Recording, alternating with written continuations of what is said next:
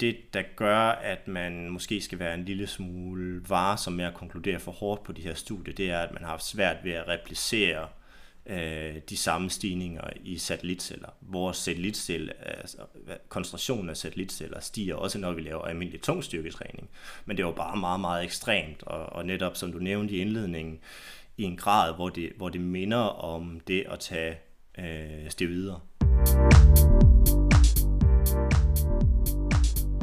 Velkommen til træningsteamen. Træningsteamen er for dig, der vil have mere viden om styrketræning og om kost. En podcast fri for bro science og quick fixes.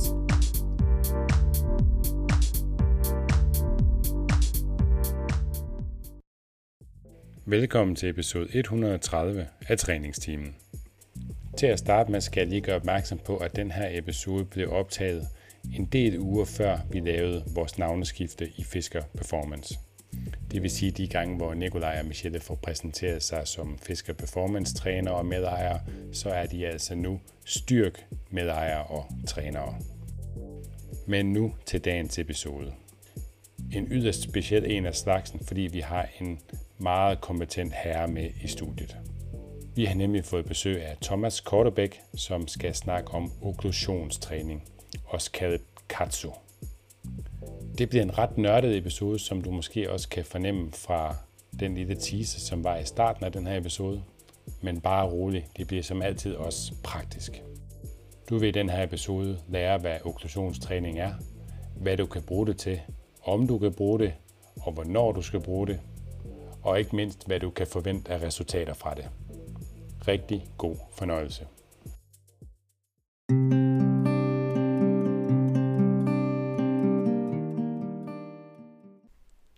Vi er dine værter. Michelle Lindop. Og Nikolaj Bak. Og jeg er medejer i Klub Skov og træner ved Fisker Performance. Og jeg har en kandidat i idræt. Og jeg er medejer i Fisker Performance, så længe det nu stadig hedder det. Og øh, har en bachelor i medicin med industriel specialisering. Og i dag, kære lytter, der skal vi snakke om okklusionstræning. I 2012 der kom der et øh, rigtig spændende dansk studie, hvor man havde øh, undersøgt blandt andet øh, muskelvækst i nogle idrætsstuderende, som havde fået sådan nogle stropper på, der øh, begrænsede tilbageløbet af blod fra musklerne under træning, sådan at de, øh, mens de trænede, ophobede en masse blod øh, i, i muskulaturen. Det kan man jo gøre på arme og ben. Og, øh, og fik et ordentligt sygt pump under træning. Og øh, man kan vist roligt sige, at det studie det viste nogle, øh, nogle rigtig, rigtig vilde resultater. Så meget, at det faktisk blev sat lidt op imod øh, at bruge anabole steroider under træning. Det var faktisk helt deroppe, vi, var, vi ligesom snakker træningseffekt. Øhm, og så var der en, øh, en årrække efterfølgende, hvor man rigtig meget så ude i træningscentrene, at øh, folk de øh, rendte rundt med de her stropper på øh, benene eller på armene, specielt på armene, fordi alle vil gerne have kæmpe guns og, øh, og brugt dem her under træning. Nu ser man det ikke helt så ofte længere, øhm, men der er stadigvæk øh, nogen, der benytter sig af de her okklusionsstropper, eller okklusionsband, som, øh, som det hedder. Mm. Og det er noget, vi har fået øh, rigtig mange spørgsmål omkring i vores øh, træningsteamgruppe på øh, Facebook, og mange øh, hvad hedder det, efterspørgseler på den her episode.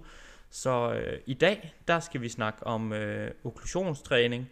Vi skal snakke lidt om, hvad forskningen måske har, har fundet mere frem til efteråret 2012, og, øh, og omkring, øh, hvad er det egentlig for en træningsform, og hvem er den for, og, øh, og hvad, hvad kan det her okklusionstræning i det hele taget, og hvordan fungerer det?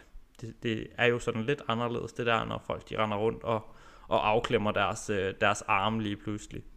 Så øh, det har vi fået en, øh, en gæst med øh, i studiet i dag, til at, at lære os mere om øh, okklusionstræning og tage os igennem, øh, hvor, hvor forskningen den ligesom er i forhold til det i dag. Så øh, velkommen til dig, Thomas. Tak for det. Kan du ikke, øh, kan du ikke lige give en kort introduktion af, af dig selv, og hvorfor du sidder her i dag på en uh, online forbindelse i træningsteamen? Jo, jeg kan da prøve. Uh, altså jeg plejer sådan at præsentere mig sådan lidt med et glimt i øjet som akademisk daglejer Uh, ikke, sådan en, uh, ikke sådan en forarmet en af slagsen, der går og leder efter småjobs hele tiden, men egentlig sådan bevidst uh, at søge nogle forskellige miljøer. Uh, så sådan af, af uddannelsesbaggrund, så har jeg en kandidat i idræt og sundhed ved Syddansk Universitet, uh, hvor uh, P.O. går øh, har været min øh, specialvejleder. Han er den, du refererer til blandt andet i det her studie mm-hmm. fra 2012.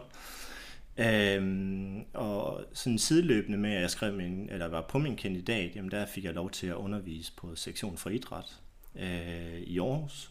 Øh, og jeg er sådan en type, at når jeg først har bidt mig fast, så er jeg svær at komme af med, så der er jeg faktisk stadigvæk øh, og underviser i praktisk-teoretiske fag der. Øhm, så udover det, jamen det er så ligesom det akademiske miljø, hvor jeg, hvor jeg befinder mig i og holder meget af at være, men i høj grad også i det praktiske miljø, så jeg står også på gulvet som træner. Øh, det gør jeg primært i en af mine virksomheder, en lille enkeltmandsvirksomhed, der hedder Videnform, hvor jeg primært arbejder med fysisk træning inden for håndbold øh, og fodbold på individuel plan, og så en hel del inden for atletik også. Øh, som også er min praktiske baggrund. Jeg kommer selv øh, som elitesportsudøver inden for atletik, øh, og arbejder sådan set stadigvæk, der jeg er assisterende landstræner i spring i, i Dansk Atletikforbund. Og den sidste og måske mest relevante kasket, jeg har på i forhold til at sidde og snakke med jer, det er, at jeg i 2016 startede det her øh, selskab, som hedder Occlude BFR, som egentlig er et selskab, der, der specialiserer sig i at udvikle okklusionsudstyr primært til øh, øh, og møde de behov, som er for fysioterapeuter, øh, hospitaler, men egentlig også øh, sportsudøvere. Øh, så det er, det er ligesom hvad skal jeg sige, gennemgribende for, for min valg har været, at jeg godt kan lide at bevæge mig i den her gråzone mellem den praktiske og den akademiske verden. Ja. Og nu, øh, nu siger du selv, at øh, din virksomhed her hedder Oklu BFR. Fordi der er jo både det her ord, der hedder okklusionstræning, der er også BFR eller Blood Flow Restriction. Øh, de to ting, er det helt det samme, eller er der nogle små forskelle i forhold til de to ting? Altså man kan sige, Blood Flow Restriction, som BFR er en forkortelse for, er en mere præcis beskrivelse af, af hvad der faktisk sker. Okklusion, det mhm. betyder at afklemme. Så der afklemmer man fuldstændigt. Og det er faktisk ikke det, man gør med okklusionstræning. Når man laver mhm. okklusionstræning, så begrænser man det arterielle indløb af blodet til musklen, mens man afklemmer det venøse tilbageløb. Så, så BFR er egentlig en mere præcis betegnelse, men vi har bare ikke samme nuancer i det danske sprog, så vi kalder det okklusionstræning. Det er måske en meget god sådan ting lige at have med, i hvert fald i forhold til, at der bliver både sagt okklusionstræning og BFR-træning i samme, øh, altså sådan i flæng. Så der bliver, ja, også, øh, der, bliver også, der bliver også nogle gange brugt øh, begrebet katsu om det ja. som øh, betyder noget meget, meget frægt på øh, italiensk, men som, øh, ja, som også bruges som øh, om okklusionstræning på japansk. Mm. Det er sådan helt sådan koncept omkring det. Kan, var det egentlig ikke der, det startede med det her sådan katsu-koncept? Jo, og startede langt tilbage. Altså, det, er jo, det er jo en træningsform, som, som man, man hører startede helt tilbage i 60'erne. Øh, hvor, en, jeg, så vidt jeg husker det, så er det jo en, øh, en øh, japansk bodybuilder, Sato, tror jeg han hedder til efternavn, mm. som ligesom brugte det og fandt ud af, at når han ligesom spændte nogle elastikbånd rundt om sin øh, arme eller ben, jamen, så giver det det her pump. Øh, og dengang, der kunne man ikke, sådan, der havde man ikke alle de fysiologiske forklaringer for, hvorfor det skete, men man kunne bare se, at det havde en eller anden positiv effekt. Øh, og så specielt her øh, i tierne, øh, at, man, at, at, at man så begyndte at intensivere forskningen på de øh, øh, de europæiske og amerikanske universiteter osv., og, og, og finde, jamen der er faktisk noget omkring den her træning. Ja. Endte det for øvrigt ikke med, at han fik et par, øh, fra, par blodpropper, ham japaneren? Eller er det sådan en, en vandrehistorie? Det ved jeg faktisk ikke. Jeg har det, hørt, det, det startede med, at... Nå, det kan også være, at det er mig, der husker helt forkert. Jeg har også hørt, det startede med, at han sådan sad og mediterede, eller sådan et eller andet, som ja. man nu gør i Japan. Ja. Og så kunne han mærke, at han fik det her pump i benene, og det var egentlig det, der gav ham ideen til det. Ja, præcis. Ja, det er også, det er også, hvad skal man sige, den vandrehistorie. Jeg ved ikke, om den er sand eller ej, men det er i hvert fald den. Den er fed. Øh, ja, præcis, præcis. øh, så ja, de kalder det katsu-træning derovre. De har jo også udstyr, der hedder katsu. Øh, som, som jo bare er en, en, en, en lille smule anderledes, end det vi forstår ved, ved, ved moderne okklusionstræning i hvert fald. Mm.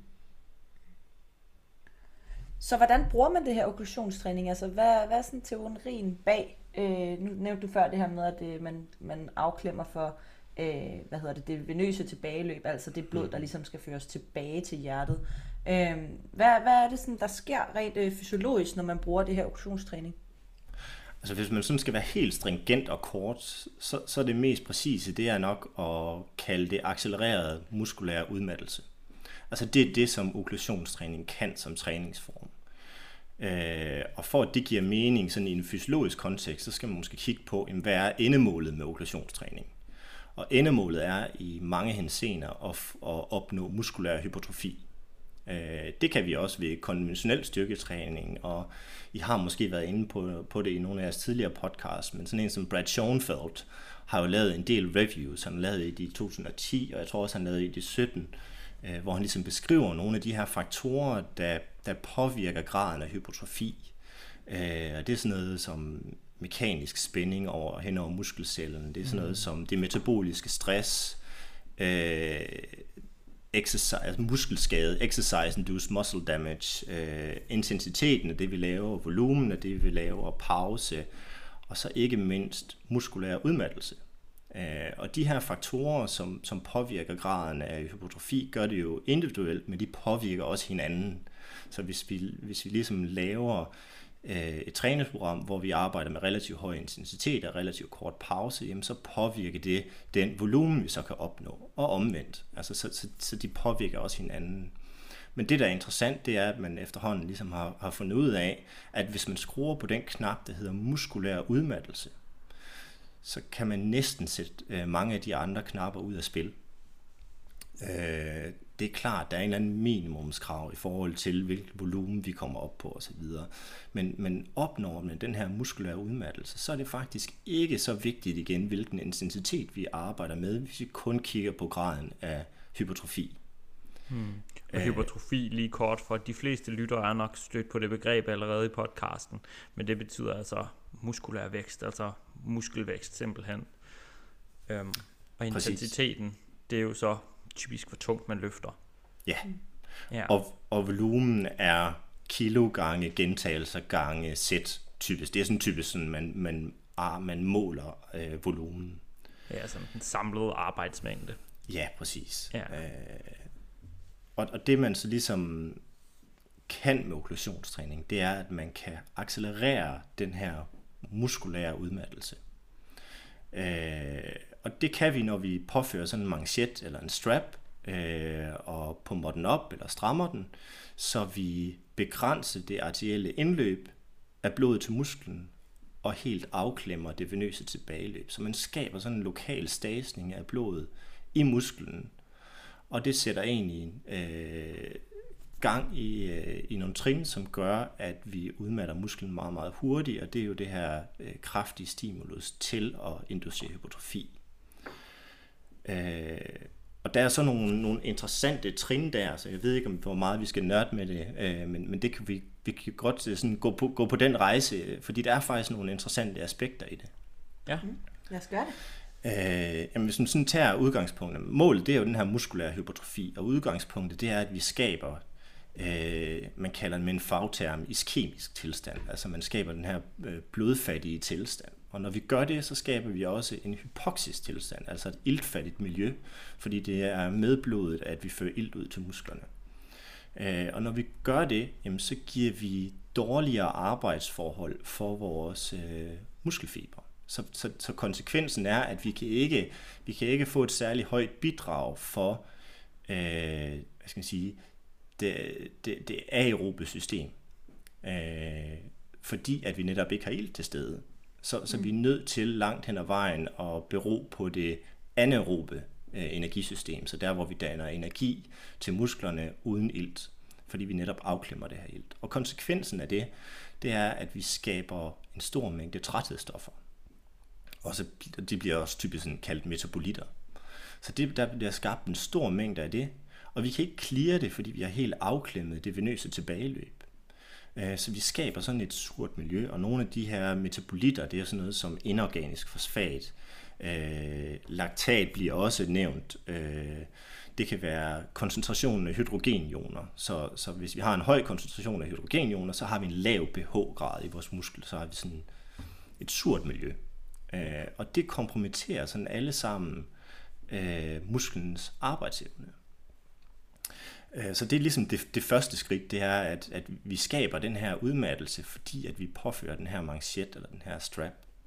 Øh, og det mener man så, en af, de, en af de fysiologiske forklaringer for efterfølgende er jo så, at det skaber sådan et, man kalder det osmotisk drive af væske ind i musklen, fordi vi kan ikke klire de her metabolitter, øh, men vi kan så, der vil så blive trukket væske ind i de her muskelceller.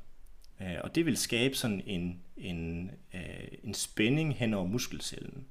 Og det i sig selv øh, bliver ofte beskrevet som et stimulus til at starte en positiv proteinsyntese, som ligesom er, er første skridt mod hypertrofi. Så det er sådan en af forklaringerne, og det er også en af forklaringerne, hvorfor man ligesom ser det her pump, så at sige, når man laver okklusionstræning, men også bare laver konventionel styrketræning til udmattelse, så kan man ligesom se, at man har det her pump.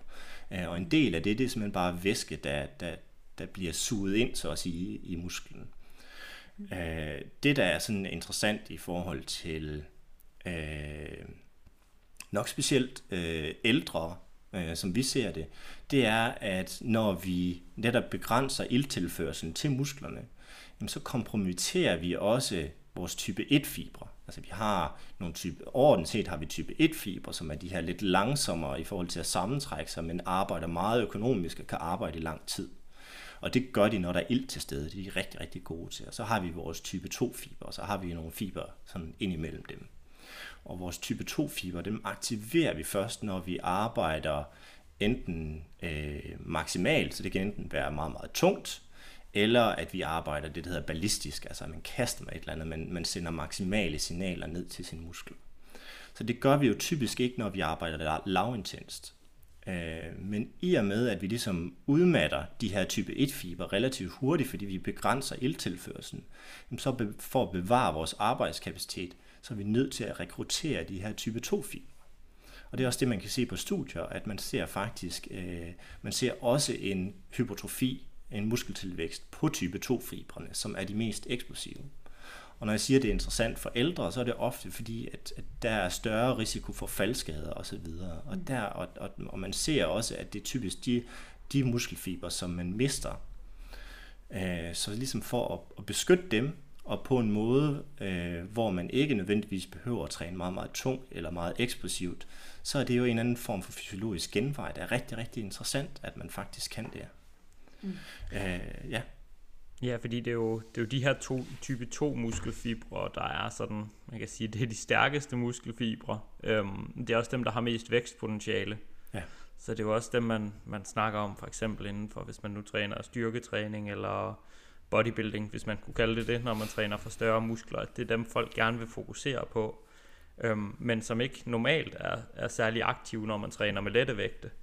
Præcis, de vil i hvert fald først være aktive sådan helt ude ved udmattelse. Ja, Øh, så, så, så når man sådan tager, snakker om effektive reps, så vil det typisk være, at man får aktiveret både øh, type 1 og type 2 muskelfibrene, øh, fordi det følger det der, der hedder Hennemans øh, principle, eller Hennemans ja. princip, om at når vi arbejder lavintens, så er det primært de her små motorneuroner, der innerverer type 1-fibre, og når vi så øger intensiteten, jamen, så bliver det type 2-fibrene. Og vi vil jo sådan set gerne have stimuleret alle, når vi skal maksimere graden af hypotrofi.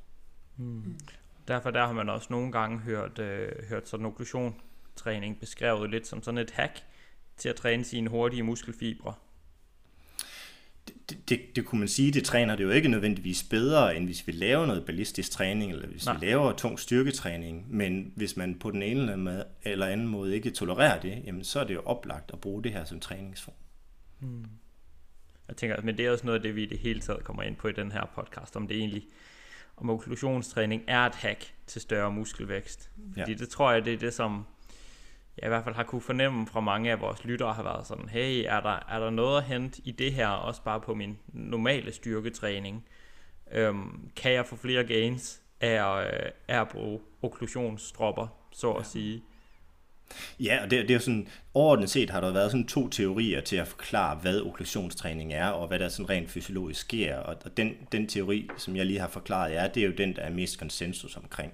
Så der har også været den her hormonteori, fordi man har kunne se de her akutte spikes i øh, væksthormon i IGF-1, og også et lokalt øh, hormon, der hedder MGF.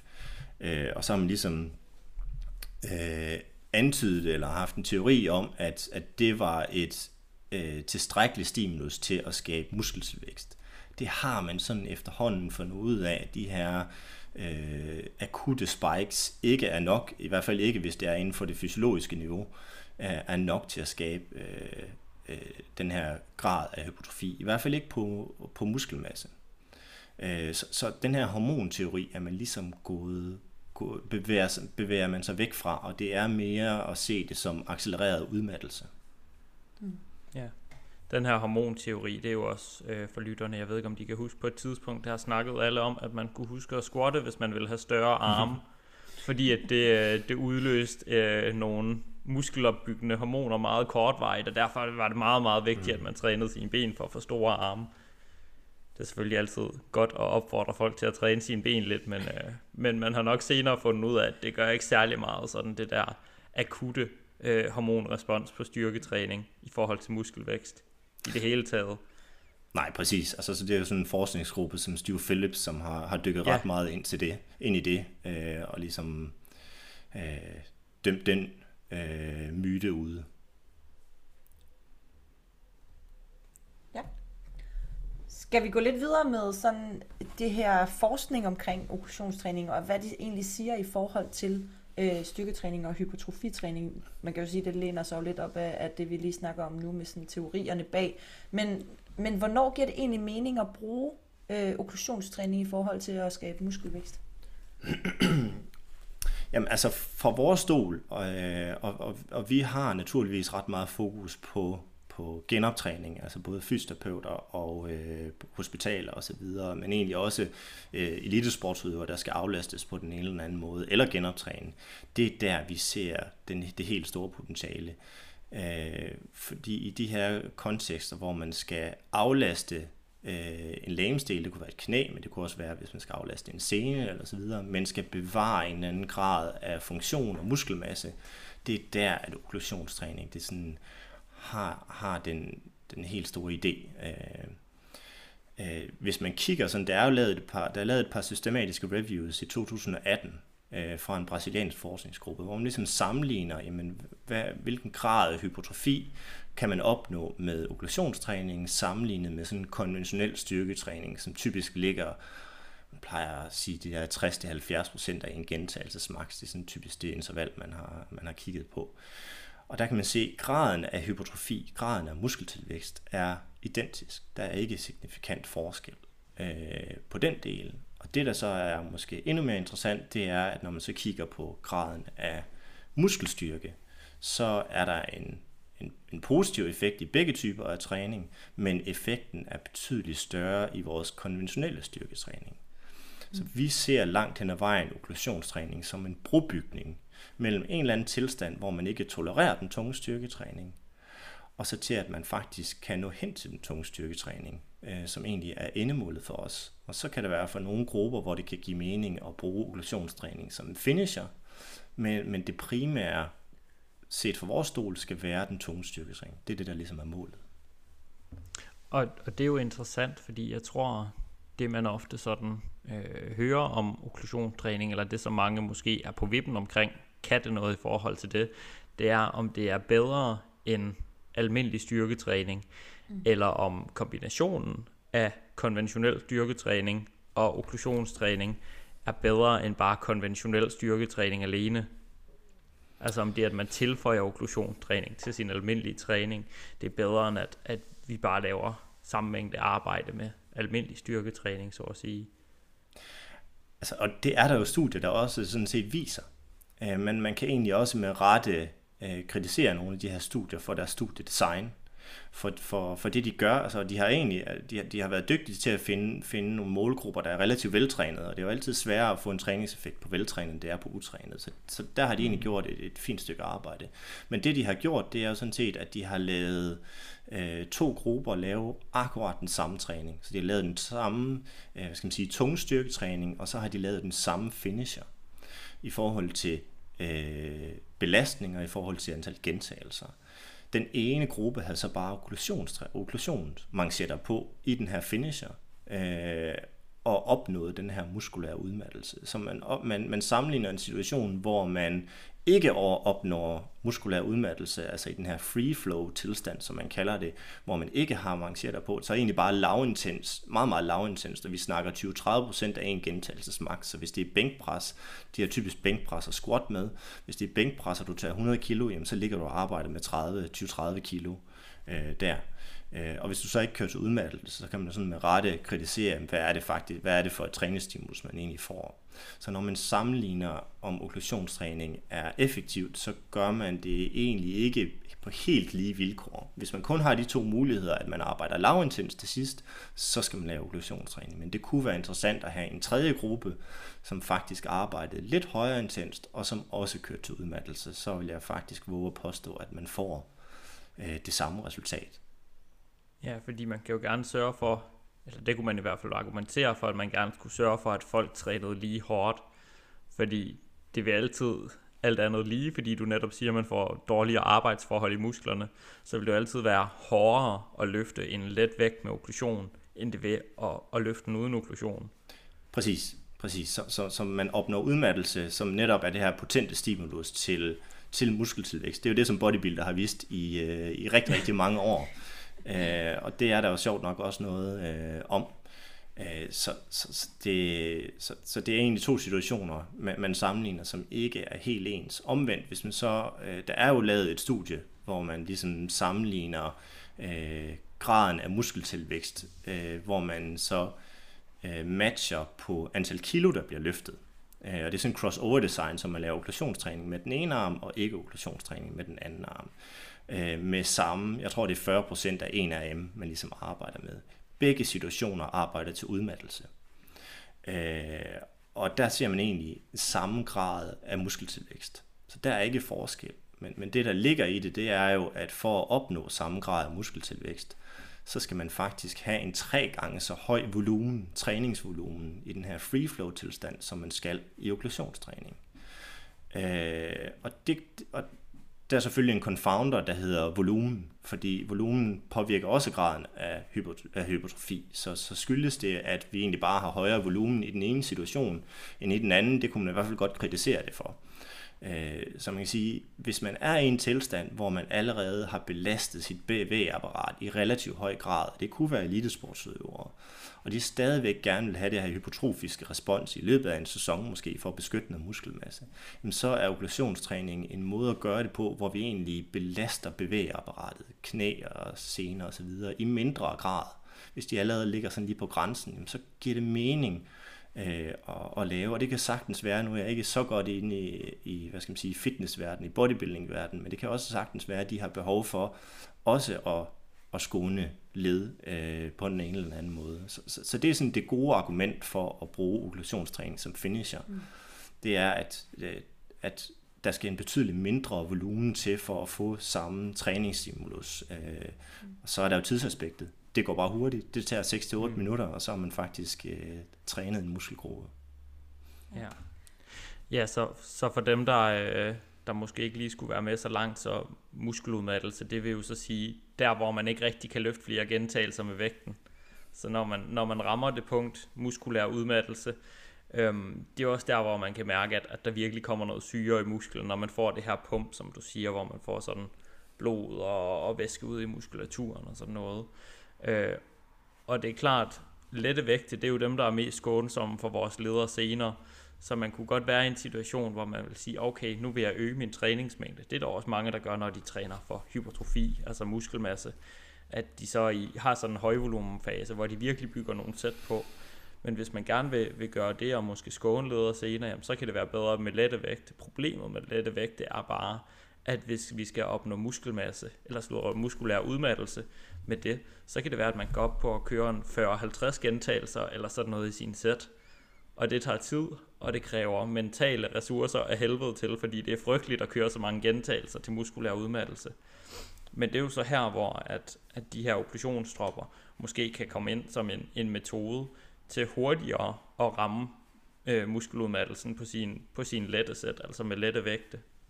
Ja, det studie, lige refererer til, øh, af Gene, som blev lavet i 2015, jamen der er man helt op på, på omkring de der 100 gentagelser i første sæt. Ja. Øh, så, så det er også bare en ekstrem mængde, man skal, man skal op på for, for at nå derhen. Ja. Jeg prøver lige at lave fire sæt af 100 gentagelser. Eller, ellers tak. Ja. Men måske ville det så give mening lige at, at snakke kort om, sådan, øh, hvordan man så bruger det. Altså, hvad, hvad er en form for protokol, som, som du typisk bruger, Thomas, til, øh, til at lave okklusionstræning med? Øh, altså, mm. hvor, hvordan ser den ligesom den fremgangsmåde, du bruger ud? Altså den klassiske protokol, som man ser i, i, i mange videnskabelige studier, øh, det er jo en protokol, der egentlig blev startet op af, af en amerikansk forsker, der hedder Jeremy Lenneke. Øh, og den hedder 30 gentagelser i første sæt, 15 gentagelser i andet, 15 gentagelser i tredje, og 15 gentagelser i, i fjerde. Så sådan en total træningsvolumen på, på de her 75 gentagelser. Mm-hmm. Øh, og så er der forskellige variationer, når man sådan har kigget på at, at bruge okklusionstræning som en finisher for, for eliteudøvere. Så har man øget den totale mængde en lille smule, så det hedder 30 og så 3 gange 20 gentagelser i stedet for 30 og 3 gange 15. Eller øh, den, den hårdeste protokol, måske også den, den mest effektive, specielt hvis vi snakker eliteudøvere, det vil være fire gange til det, man kalder koncentrisk udmattelse. Altså til, at man ikke kan løfte en vægt mere. Øh, det er sådan det er sådan de protokoller, der typisk er derude. Så er der også protokoller for, hvordan man kan bruge det, når man sådan skal lave noget aerobtræning, altså det kunne være roning, eller cykling, eller gang. Der er også protokoller for, hvordan man gør, når man egentlig ikke kan lave en muskulær kontraktion, så hvis man er meget, meget tidlig i en, i en genoptræning, jamen hvad vil man så gøre for at, at beskytte muskelmassen bedst muligt? Øh, men, men det der måske det, som, det, som vi prøver at gøre noget ud af, når vi også afholder kurser, det er jo det, er jo det her med, at hvis vi bare forstår de her tre kriterier, der skal opfyldes, så kan vi sagtens lave effektive protokoller selv. Det behøver ikke præcis at være 30 og så 3 gange 15 Det kan også være alle mulige andre kombinationer. Vi skal bare mm. sørge for, at vi opnår en eller anden vis volumen vi skal nok ikke køre til udmattelse i løbet af fem gentagelser, så, så får vi nok ikke det stimulus, vi skal have. Men vi skal have en eller anden volumen, og så skal vi nå til udmattelse. Så det er sådan, øh, og så nå det her metaboliske stress, men det hænger også tæt sammen med, med den her muskulære udmattelse. Så hvis vi opnår de her kriterier, så, så skal vi nok få vores træningseffekt i forhold til hypotrofi. Og det er faktisk mm. også ofte så, så, så bliver der spurgt ind til, jamen, hvilke øvelser skal vi så køre? Og for at opnå den her muskulære udmattelse, så giver det faktisk ofte mening at køre det i en maskine, hvor man har så, så lidt proprioception, altså så lidt styring og balance øh, i bevægelsen som overhovedet muligt, for det er det, okklusionstræning skal kunne. Så når vi, sådan, an, når vi snakker med fysioterapeuter, så anbefaler vi ofte, de vil jo gerne lave noget proprioceptivt arbejde. Jamen, så lav det øh, uden okklusionstræning i starten af et træningspas, og så slutter man af med okklusionstræning, fordi det er bare den her muskulære udmattelse. Det er for at få så meget muskelmasse, eller beskytte muskelmasse i så høj grad som overhovedet muligt. Mm. Øh, så man kan sagtens lave effektive protokoller selv. Okay. Så, så kunne det være, nu nævner du, at det skulle gerne være sådan en øvelse, der ikke kræver alt for meget kropsfornemmelse. Vil det sige sådan, at så vil man måske, fordi man kan jo kun gøre det på armene eller benene, mm-hmm øhm, at så vil man måske gøre det i leg extensions eller benpres, mere end man vil gøre det i en øvelse som lunges for eksempel, der har nogle flere stabilitetskrav. Præcis. Det, det er jo sådan et ja. godt eksempel. Og så er det klart, hvis man så har nogen, der er relativt vant til at lave okklusionstræning, eller ikke lige har de her maskiner, jamen så kan man sagtens øh, nå til udmattelse alligevel. Øh, så kræver det netop bare en lille smule højere proportion, men, men man, skal, man skal egentlig bare altså, man kan bruge langt hen ad vejen, det man sådan lige har til rådighed. Men, men det, er ikke, det er ikke en skidt ting, at man finder øvelser med en meget, meget lav grad af proprioception. Altså hvor, der er, hvor man egentlig bare skal bruge sine muskler og ikke tænke så meget på styring af balance osv. Det er egentlig bare en god ting, når vi snakker okklusionstræning. Mm. Nu, øh, nu nævnte du det her, inden vi, inden vi går videre fra selve sådan den, den almindelige styrketræning over mm. at snakke til nogle andre, sådan måde, man kan bruge evolution på. Mm. Nu nævnte du det her metaboliske stress, som er den her tilstand ude i musklerne, hvor at, at der, der dels kommer nogle hormoner, men også en masse sådan affaldsstoffer eller metabolitter, mm. som måske også i sig selv måske gør noget i forhold til, til muskelvækst, eller hypertrofi, som det også hedder. Mm. Øh, noget af det, man så i det her øh, studie fra, øh, fra Ågård, det her fra 2012, det var også den her meget voldsomme øh, opregulering af de her muskulære satellitceller. Ja. Øhm, kan du sige noget om dels, hvad det er, og hvad det måske sådan betyder for, øh, for muskelvækst, og hvad forskningen sådan efterfølgende efter det her hvad skulle man sige, vidunderstudie, fordi mm. det var jo et vidunderstudie i forhold ja, til operationstræning, ja. at, at forskningen efterfølgende sådan måske har vist. Ja. Altså, satellitceller kan man, kan man nok bedst forstå som en muskelstamcelle. Så det hedder en satellitcelle, fordi det ligger sådan i satellitten eller periferien af en muskel, som sådan en sovende celle. Øh, og de kan blive til hvad som helst i musklen. Ofte så bliver det til, til muskelkerner, øh, og muskelkerner kan man, kan man nok bedst forstå som sådan et kontroltårn, der kan, der kan styre et vis område af en muskel.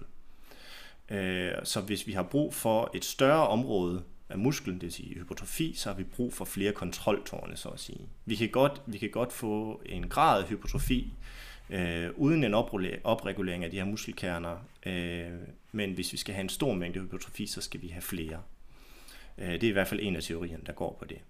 Og det man så kan se med okklusionstræning, i hvert fald det her studie, du refererer til, det er, at man har set en meget, meget kraftig opregulering af de her satellitceller øh, som jo så kan blive til de her muskelkerner. Øh, de kan også blive til alle mulige andre ting i musklen, hvis man for eksempel har en muskelcelle, der er skadet. Øh, så så det, er jo, det er jo sådan set interessant. Øh, og, men nogle af de, så vidt jeg husker det her studie, så er det jo, det foregår kun over 21 dage. Og de har 23 træningspas, øh, så, og de har en ugenlig fridag. Øh, så så der, der er nogle gange om dagen, hvor de træner to gange om dagen. Og det er den hårdeste protokol af dem alle sammen, så det er de her fire gange til koncentrisk udmattelse. Og så måler de, øh, så vidt jeg husker, at det er otte dage inde i forsøget, og, og lige efter at det er afsluttet, og så et, et par dage, og så nogle dage efter igen. Og man kan jo bare se en opregulering på, på 200-300 procent, øh, så man måler både på de her satellitceller, og så måler man egentlig også på, på biopsier, altså man kigger på muskulær hypotrofi. Øh, og det er jo ekstrem grader af, af muskulær hypotrofi, man ser i det her studie. Øh, og, og man plejer sådan at inddele øh, folk i non-responders, øh, moderate responders og high responders, eller extreme responders. Øh, og der, der ligger jo sådan referenceværdier for de her extreme responders. Hvad, hvad, hvad ser man af muskeltilvækst på dem? Ja, folk, der virkelig bare responderer på træning. Ja, dem, der bare skal bevæge sig ned i fitnesslokalet og kigge på vægten ja. nærmest, og så vokser de. Det er irriterende typer. Øhm, ja. Øh, og når man så sammenligner det med den her gruppe, der har lavet okklusionstræning, jamen så øh, gruppen, der laver okklusionstræning, har en betydeligere højere, højere grad af muskeltilvækst øh, på kortere tid end de her extreme responders. Og man må jo antage, at den her gruppe både består af non-responders og moderate responders og extreme responders. Så, så det er jo ligesom det første studie, hvor man så også målte på satellitceller og bare så den her ekstrem kraftige opregulering. Øh, det, det, der gør, at man måske skal være en lille smule varsom med at konkludere for hårdt på de her studier, det er, at man har haft svært ved at replicere øh, de samme stigninger i satellitceller. Vores satellitceller, altså, koncentrationen af satellitceller stiger også, når vi laver almindelig tungstyrketræning. Men det var bare meget, meget ekstremt, og, og netop som du nævnte i indledningen, i en grad, hvor det, hvor det minder om det at tage øh, steroider. Øh, så, og, og der ligger også noget, noget af det, der ligesom har undret mig i det her studie, det er, at man kan se kontrolgruppen efter 8 dage, også stiger meget, meget kraftigt øh, i muskeltilvækst. Og så... Trænet, trænet, øh, de træner så bare uden okklusion, ja. kontrolgruppen. Ja, ja. ja præcis. Øh, og, og det, der overraskede mig, det var, at efter 8 dage var der meget, meget stor stigning i deres muskeltilvækst også, og den er så væk igen øh, i slutningen af trænings. Øh, så enten så har der været sådan en, en stor, en eller anden stor grad af væskeophobning, eller også så er der et eller andet metodisk, der har været øh, udfordring i det her studie.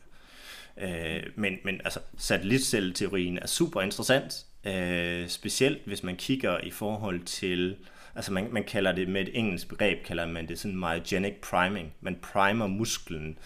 Øh, man skaber et miljø, hvor man kan skabe stor grad hypotrofi, og hvis det virkelig er noget om den her satellitcelleteori, jamen så er det jo interessant faktisk at lave okklusionstræning inden for eksempel en operation, hvor vi ved, at vi taber rigtig meget muskelmasse. Øh, fordi at så har vi skabt det her miljø, hvor vi kan beskytte muskelmassen bedst muligt øh, med et eller andet given stimulus. Øh, fordi man ved, at når man først har lavet flere muskelkerner, så, øh, så forsvinder de ikke bare sådan igen. Det tager i hvert fald relativt lang tid. Øh, det er jo så en af årsagerne til, at man også man taler om, at en toårig øh, dopingdom er, er alt for lidt, fordi at de har haft effekten af den her doping. De har fået lavet de her flere muskelkerner, og så kan de egentlig komme op på det samme niveau uden doping efterfølgende. Øh, og det er jo lidt samme, hvad skal man sige, øh, princip, som man arbejder med i forhold til okklusionstræning. Der er selvfølgelig bare ikke noget ulovligt i den del. Men, men man skal nok man skal være lidt varsom med, indtil der kommer flere studier, der ligesom kan, kan bekræfte, fordi det er helt ekstreme resultater. Så, så det er også lidt som om de her forsøgspersoner, deres krop er bare kommet i chok af, at de bare er blevet udsat for den her meget, meget hårde træning, mm. øh, udmattende træning, som, som de ikke har, haft før. Men man kan se også, når de ligesom afslutter forsøget, hvor man må antage, at noget af det her øh, væskeødem er forsvundet, jamen der er også stadigvæk reel hypotrofi, og det er samme grad hypotrofi både på type 1-fiber og type 2-fiber. Ja, det er interessant. Og de her stamceller, det er jo også lidt det, man snakker om i forhold til muscle memory for eksempel. Mm. Altså ikke kun folk, der har taget steroider, men folk, der har været muskuløse i det hele taget, haft store muskler. Har man først en gang haft store muskler, så er det nemmere at få mm. store muskler igen, mm. end, end det tager altså kortere tid, end det tog at bygge den muskelmasse op til at starte med. Ja, præcis. Ja, og en af de fysiologiske forklaringer er så netop det her med, at, at det er fordi, at man har fået dannet flere muskelkerner. Man har sådan set mm. flere kontroltårne, som kan dække et større område. Øhm, jeg kom til at tænke på i forhold til den her protokol af, hvornår man, øh, hvor mange gentagelser man skal løfte. Mm. Øh, der sagde du, at belastningen skulle jo ikke være sådan, at man, øh, at man øh, gik død, altså man havde den her muskulære udtrætning efter fem gentagelser. Mm. Er der en cirka procentsats i forhold til, til, den, øh, til de kilo, man skal bruge, altså mm. i forhold til intensiteten? Mm. Altså langt hen ad vejen, så arbejder man ofte mellem 20-40% af en gentagelsesmaks. Det er, sådan, det er sådan typisk den belastning. Når man arbejder med, med ekstern belastning, altså med vægt, så ligger det typisk sådan i det område. Øh, man kan sagtens opnå afhængig af, af, af træningshistorik, kan man også godt opnå hypotrofi ved bare at smide manchetter på, og så gå sig en tur. Altså det, der også bliver kaldt okklusionsgang. Øh, så selv på, på unge mænd har man, har, man, har man lavet sådan et lidt sjovt crossover design. Det var en af de første studier, hvor man ligesom undersøgte det, hvor man smider en manchet på det ene ben, og så går de, hvad der svarer til 1 km om dagen i, i nogle intervaller, og det er kun 3 km i timen. Øh, og i løbet af tre uger, jamen, så ser man faktisk, jeg tror, så vidt jeg husker, det er omkring 7% hypertrofi på det ene lår, og ikke noget på det andet. Så, der har været sådan lidt, how low can you go i forhold til, til, ja. til ydre belastning, og det er selvfølgelig super interessant i forhold til, til genoptræning eller forskellige patientgrupper osv., mm. der måske ikke tolererer den her store ydre mekaniske belastning. Ja. Øh, men ellers sådan helt klassisk, typisk de her 20-40% af en gentagelsesmaks. Øh, okay det er der, det ligger. Og det er jo netop det, som okklusionstræning den kan. Det er, at du kan opnå de her træningstilpasninger, som du gerne vil, men med en meget, meget lav ydre belastning. Ja. Og det leder os måske meget godt videre til, om der er sådan andre træningsformer end kun styrketræning, hvor det faktisk giver mening at bruge. Nu siger du, at, mm. at man faktisk har set respons øh, ved, ved gang, mm. øh, og jeg ved, at der er nogle stykker, der har spurgt til det inde i vores Facebook-gruppe, mm omkring løb og cykling, og om det giver mening at bruge det. Jeg kan huske tilbage fra, har det været 2015-16 stykker, der stod jeg på sådan en stærmaster, mm. sådan en trappemaskine, hvor der kom en gut hen og sagde til mig, øh, du skal proppe sådan nogle okklusionsstopper mm. på benene, så får, du, øh, så får du lige så meget ud af det, som hvis du, øh, hvis du sad i din benpresmaskine eller lavede walking lunges og sådan noget. Så, så hvad, hvad siger forskning i forhold til, til det her med sådan at bruge det i forhold til løb og cykling, fordi nu har vi snakket meget i forhold til hypertrofitræning, mm. og der tænker jeg, der, der giver det meget god mening at tænke hypertrofi, men så snakker vi styrketræning. Ja. Men det lyder som om, det kan også noget i forhold til andre træningsformer, eller hvad? Der er nogle indikationer på det, for, ja. øh, i hvert fald. Øh, man, man opdeler det ofte i sådan øh, en form for... Øh, man, man opdeler det typisk i faser i en genoptræning, for eksempel. Altså hvor man har en helt tidlig fase, hvor man ikke tolererer hverken tunge vægte, og måske kan man heller ikke gå, så er det bedste, man kan gøre, og man kan måske ikke engang lave en kontraktion, man kan måske ikke engang spænde musklen op, så er det bedste, man kan gøre, det er det, der hedder ischemic preconditioning. Øh, så, så man sådan konditionerer på en eller anden måde. Man spænder egentlig bare den her manchet på, og så har man den på øh, i et givet tidsrum, har en pause, og så gør man det egentlig fem gange, og det kan man gøre sådan relativt ofte, op til et par gange om dagen. Øh, det har man fundet ud af, det er, at det er et kraftigt nok stimulus til at mindske tabet af muskelmasse, men ikke nok til øh, helt at, eliminere den. Øh, det, det er sådan den mest milde form og den mest mindst potente form for okklusionstræning. Det er sådan, at man typisk bruger tidligt gen, øh, i en tidlig genoptræning. Vi plejer altid at anbefale, hvis man kan lave en kontraktion, så skal man altid prøve at gøre det, så man får en større grad af udmattelse, fordi det er netop udmattelsen, der er svær. Øh, men når vi laver okklusionstræning, så har vi jo endnu en knap at skrue på, og det er jo det her tryk, der er i manchetten. Så hvis vi ikke kan arbejde med særlig høj yderbelastning, så vil man typisk arbejde i et lidt højere tryk. Øh, fordi man har fundet ud af, at det hænger også lidt sammen med, hvornår man opnår den her udmattelsesgrad. For det kan være svært at sidde og gøre det, hvis man, hvis man bare skal efter en korsbåndsoperation og skal sidde og have fat i en af sine lårmuskler igen, bare sidde og spænde den, og så egentlig nå til muskulær udmattelse. For det er jo en det stimulus, vi er ude efter. Øh, så så vil man typisk øge trykket en lille smule. Øh, og næste skridt, det er jo så det her, den her aerobe træning, Øh, som man vil kunne lave øh, med okklusionstræning, hvad enten det er gang eller på cross-trainer, som, som, som du har lavet, eller som du blev foreslået at lave. Øh, det kan også være roning, der er lige kommet et, et, et ret sjovt studie ud på, på elite faktisk. Øh, det kan være cykling også. Øh, på de her elite der, der finder man faktisk, at øh, fem ugers okklusionstræning øh, hvor man påfører de her manchetter i deres lavintense del af deres øh, rotræning, enten det er ude på vandet eller på et ergometer, så kan man se en, en signifikant stigning i deres maksimale iltoptagelseshastighed. Øh, også sammenlignet med kontrolgruppen. Øh, og det er, jo, det er jo en lille smule interessant. Øh, det fortæller også bare, at hvis vi arbejder relativt lavintenst, så får vi kun øh, træningsadaptationer på de områder, som typisk bliver stimuleret af højintenstræning, hvis vi smider okklusionstræning på. Og gør vi ikke det, mm. så får vi ikke de her adaptationer. Så, så det man egentlig bare ser, det er, at den ene gruppe, jeg tror det var sådan, de var omkring 30 eliteroer, og de havde relativt, jeg tror, de havde sådan et, et uh, ildoptagelses uh, kondital på omkring 63. Uh, og, og den eksperimentelle gruppe, de endte så på, uh, på omkring de 70, Øh, og der var en lille stigning i kontrolgruppen også. Så de lavede egentlig bare identisk træning, men på den lavintensive træning, der tre gange om ugen, der havde de noget okklusion på, og det var vist sådan 10 minutter ad gang. Øh, så, og det skal lige siges, at øh, kondital på 63 øh, til 70 er meget, meget, meget højt kondital. Ja, så, man, så, så, kan man godt, så kan man godt definere som, som eliteord, eller elitesportsudøver. Ja, det er jo netop det, der er interessant, det er, hvis man kan få en effekt på, på øh, de meget, meget veltrænede udøvere, så er der altså et eller andet i det her. Øh, ja. men, men det man måske skulle have sat det op mod, det var at sige, jamen så, det, man skulle have haft en tredje gruppe, som så i stedet for den lavintense del, lavede noget højintenst.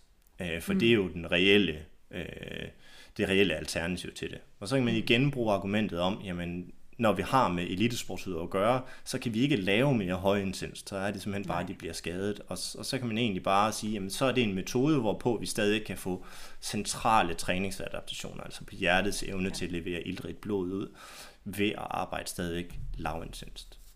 Ja. ja, og det er jo, det er jo nok en meget central pointe at understrege det her med, at når man propper de her okklusionsstropper på, jamen så, så gør det øh, arbejdet hårdere, altså det øger intensiteten, men uden at man øh, skal øge intensiteten i sin træning. Mm.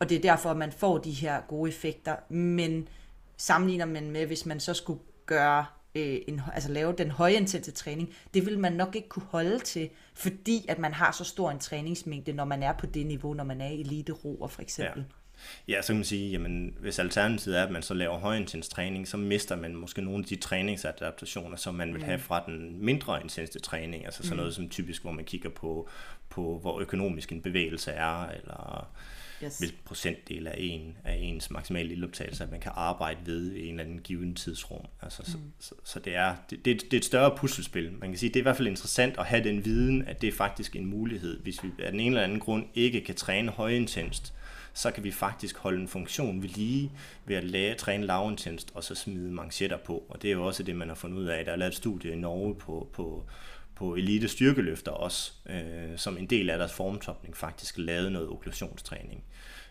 og noget af det, man kunne se, det er, at de havde ikke, der var ikke en forskel på deres præstationsevne i forhold til, hvor tungt de løftede.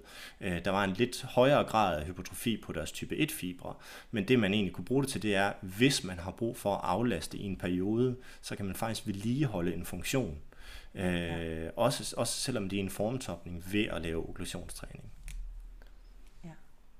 Og det, det kunne jo også være i forbindelse med, øh, med skader, tænker jeg. Øhm, Thomas, du nævnte det her med, at, at du så det ikke som et alternativ til konventionel styrketræning. I mm. bedste fald, så var det måske et supplement, mm. men at du i endnu højere grad så det som sådan en, en brobygning ja. til at kunne lave normal styrketræning. Kan du, øh, kan du sige lidt mere om det? Jeg tænker sådan, det meget er i forhold til, øh, altså sådan, til fysioterapi og skader. Ja, jamen altså langt hen ad vejen, så handler det om, at når man er skadet, så mangler man en eller anden funktion eller en funktion mm. er blevet kompromitteret, og der er, der er noget, man skal tage højde for i forhold til, at måske er der nogle led eller sener eller muskler, der skal aflastes. Men vi er egentlig stadigvæk interesseret i at, at, at beskytte muskelmasse og dermed funktion i så høj grad som overhovedet muligt. Så vi egentlig enten kan have en accelereret genoptræning, det er også sådan, jeg, jeg selv har brugt okklusionstræning med nogle udøvere, øh, elitesportsudøvere. Øh, men, men ja, det, det er sådan primært primært på den måde. Og så kan man jo også godt sidde her og tænke, at øh, det lyder jo som om, at okklusionstræning det er the shit, øh, og at det kunne være øh, ret godt at, øh, at supplere sin træning med. Men er der nogle ting, man skal være opmærksom på i forhold til sådan øh, bivirkninger af det, eller er der nogle pers- altså personer, som ikke skal gøre det, hvis de har nogle øh, andre øh, diagnoser eller noget af den stil? Altså man, man deler sådan typisk op i, i, i to dele. Altså man har det, der hedder kontraindikationer. Altså hvor man allerede har en eller anden tilstand, der potentielt bliver forværret ved, at vi laver en eller anden fysisk aktivitet, som kunne være okklusionstræning. Øh, og der har man så en underopdeling, som er øh, absolute og relative kontraindikationer. Øh, og så har man, hvad skal man sige, helt normale bivirkninger. Hvad kan der være af bivirkninger ved at lave okklusionstræning? Og kigger man sådan på kontraindikationer, så er det øh, så er der ekstremt få, der er blevet beskrevet i de her videnskabelige studier. Øh, øh, og det kan, både, det kan både skyldes, fordi de har været der, men det kan også være, fordi de er underrapporteret. Og man ved sådan rent historisk, så, så, så bliver de underrapporteret. Så når man snakker om kontraindikationer, så er det stadigvæk et sted, hvor det er potentielle kontraindikationer. De er ikke blevet bekræftet, men de er heller ikke i tilstrækkelig grad blevet afkræftet. Så det er sådan noget, hvor ens kredsløb på en eller anden måde er blevet kompromitteret. Det vil sige, hvis man har en historik med øh, lungeembolismer, dybe venetromboser, altså blodpropper, enten i, mm. i vener eller i lunger. Øh, det kan også være øh, blodprop i hjertet, øh, hvis man har forskellige blødersygdomme osv. Øh, hvis man har ubehandlet forhøjet blodtryk, er også en af det, man, man sådan nævner som en absolut kontraindikation. Så kan man endnu ikke anbefale, at man bruger okklusionstræning. Øh, og det er egentlig bare ud fra sådan en, en konservativ tilgang, at man gerne vil se flere studier, der påviser, at det er sikkert. Der er jo lige, for eksempel lige kommet et studie ud fra, øh, her fra, fra Aarhus Universitet i samarbejde med nogle kardiologer fra, kardiologer fra Skype sygehus, hvor man fandt at, øh, eller hvor man, hvor man udførte okklusionstræning for nogen, der havde grad 3 eller grad 1-3 af, øh, de har så haft øh, blodprop i hjertet. Øh, så de har, øh, så de har, hvor grad 4 er det værste, de har så haft en gruppe, hvor de har været ligget mellem grad 1 og grad 3. Øh, så det er nogen, som har, som har en, hvad skal man sige, en kronisk øh, problematik omkring deres hjerte. Og der har man set, at det, at det tolererede de. Dels havde de en, en, en klar forbedring i deres, øh, deres daglige funktion, og også på, man kunne også se det på nogle styrkeparametre. Og det, der måske egentlig var mest interessant i det her studie, det var, at de tolererede den her øh, okklusionstræning ganske godt. Øh, så det var et, og det er også et stort studie, men, men det kunne være rart at se flere, så man kunne være fuldstændig sikker på, at, at det er sikkert. På samme måde er der også lavet flere studier på, på hypertensive øh, kvinder for eksempel, øh, og ældre, altså hypertensive, altså folk med forhøjet blodtryk. blodtryk. Ja, præcis. Ja. Øhm, og de har også tolereret, der har i hvert fald ikke været beskrevet noget i forhold til kontraindikationer der. Øh, så, så det bedste vi har i forhold til at beskrive, hvad der er af, af potentielle kontraindikationer og bivirkninger, det er et, et, et metodisk mindre og godt studie fra Japan. Øh, et epidemiologisk studie, øh, som, som typisk bliver brugt af alle, der ligesom refererer til det, og der er forekomsten bare meget, meget lav. Altså det er lavet på, på en ret, ret stor spørgeskemaundersøgelse undersøgelse på over 12.000 personer, men der finder man egentlig, når man sådan sammenligner øh, incidensen af øh, lungeemboli og venetrombose osv. i en normal befolkning, så er den betydeligt lavere i den her gruppe her. Men dykker man mere ned i studiet, så kan man også se, at der er kun øh, omkring 50% svarrate.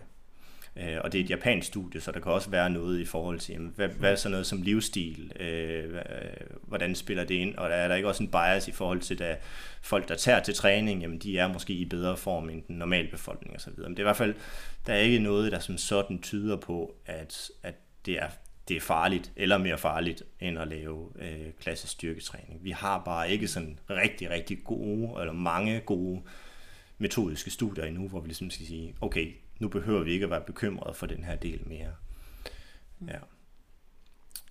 Nu, øh, nu nævnte du, inden vi øh, trykkede på, øh, nu optager vi knappen, mm der nævnte du med, at der var også nogle ting i forhold til øh, dels om man brugte sådan stropper eller manchetter, hvor man sådan kan indstille trykket på, men også noget med bredden på de her stropper eller manchetter, som, som også var vigtigt at være praktisk øh, opmærksom på. Ja.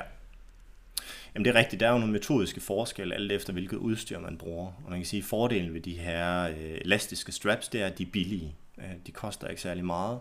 Øh, og det her pneumatiske systemer, som man kalder det, altså tryk, trykstyrede systemer, de, øh, de koster noget mere. Og så er der de, de fuldautomatiske, som koster rigtig, rigtig mange penge. Og der er bare større grad af præcision i de her trykstyrede systemer, så man kan styre, hvor meget man afklemmer. Og typisk så opererer man med det her, det her term, der hedder arterial occlusion pressure også kaldt limb occlusion pressure. Så, så for den, det, kan nok, det kan måske bedst sammenlignes. Det vi kommer tættest på, det er det systoliske blodtryk, altså det høje blodtryk, øh, som vi typisk måler med armen, men hvis vi træner i ben i okklusionen, jamen så, så måler vi det jo så dernede, så det er jo selvfølgelig forskelligt. Øh, så man måler med en dobler, hvor øh, hvilket tryk der skal til i manchetten, for at vi fuldstændig afklemmer indløbet af arterielt blod. Øh, og så arbejder... Til at det var også pulsårer. Ja, det, det, det er... Yes. Det, ja, det er de årer, der leverer blodet ud til musklerne. Mm. Ja, og så, så måler man typisk øh, det, og så arbejder man meget ofte med en procentdel af det. Og det vi er interesseret i, det er jo egentlig at arbejde med en så lav procentdel af den her afklemning som overhovedet muligt, og så stadigvæk få en optimal træningseffekt. Og det er jo egentlig fordi, man har fundet ud af, at jo lavere procentdel vi arbejder med, jo mindre ubehag giver det. Øh, så det betyder selvfølgelig en del for folk, der ikke er vant til at arbejde med den her meget udmattende træning.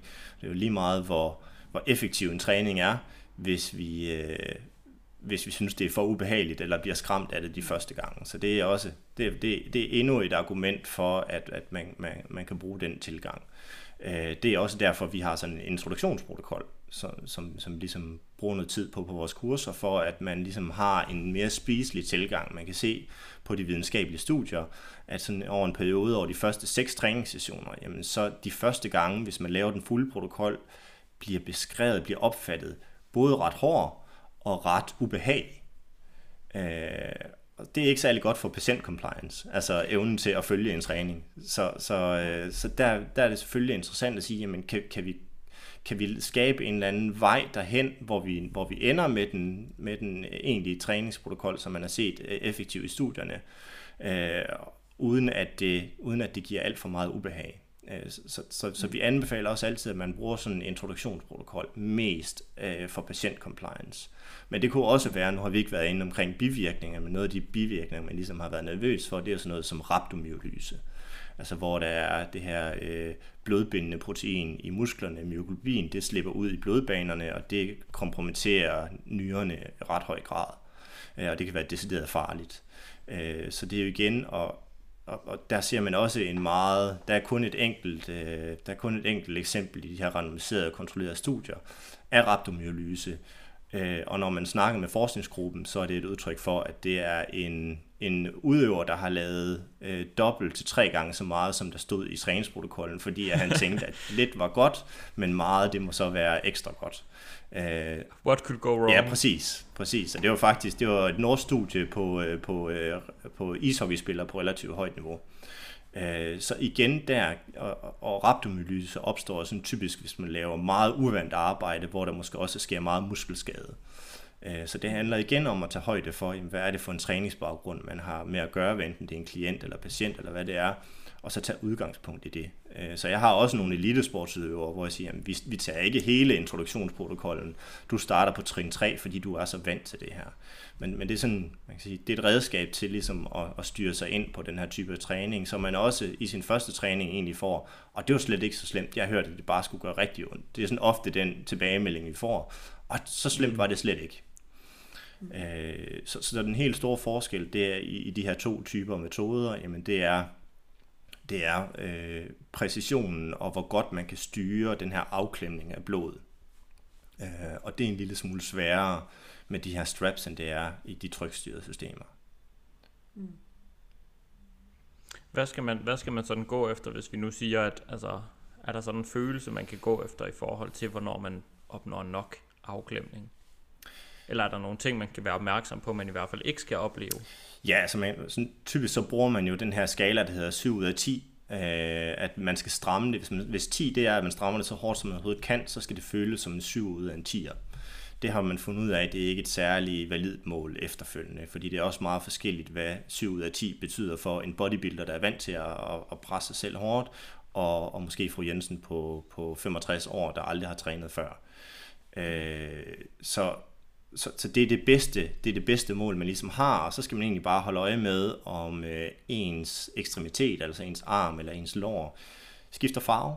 Så det skulle gerne blive mørkere, så, det, man, så man ligesom kan se, at blodet det staser enten mørkere eller mere rødt. Øh, og når man så trykker øh, på det, jamen, så bliver det sådan hvidt lige der, hvor man trykker, og så, øh, og så ikke længere end 2-3 sekunder efter, så skulle det gerne blive rødt igen. Så hvis man så har en arm, der bliver helt hvid, jamen så er man simpelthen afklemt for meget. Men, men oftere med, med de her elastiske straps, så afklemmer man for lidt end for meget. Øh, det er ikke nødvendigvis så kritisk i forhold til træningsadaptation, hvis man bare kører til udmattelse. Øh, det var det, vi, vi så med studiet af Gene. Øh, men det kan være svært at afklemme tilstrækkeligt, og det er der faktisk også et, et studie, der har undersøgt, hvor man ligesom, øh, det er så bare rent trykstyret, trykstyret systemer, hvor man sammenligner en manchet på 5 cm bredde med en på 11-12 cm bredde. Så det er til lårene, og der har man simpelthen lavet de her AOP-målinger, altså fundet ud af, hvilket tryk skal der i manchetten, for at man afklemmer alt blodtilførsel. Og selv ved 600 mm kviksølv. Og det er altså ekstremt højt. Vores egne pumper de går til 300 mm kviksølv, og det er allerede relativt højt. Men selv ved 600 mm kviksølv, der havde de forsøgspersoner, der ikke kunne afklemme totalt øh, på lårene. Og ofte så arbejder man, man plejer at sætte en nedre grænse for at have en, en effektiv træning på 40%, men typisk så arbejder man ved omkring 50%. Det vil sige, at hvis man har de her smalle stropper, og så arbejder med 50%, og lad os bare sige, at man så har afklemt ved 600 mm kviksølv, så skal man have strammet det til 300 mm kviksølv. Og det er bare, det, det er ekstremt højt. Øh, og det betyder så også, at vi har det her meget, meget store tryk over et lille areal. Fordi når vi har en smal manchet eller strop, så har vi også et relativt lille areal.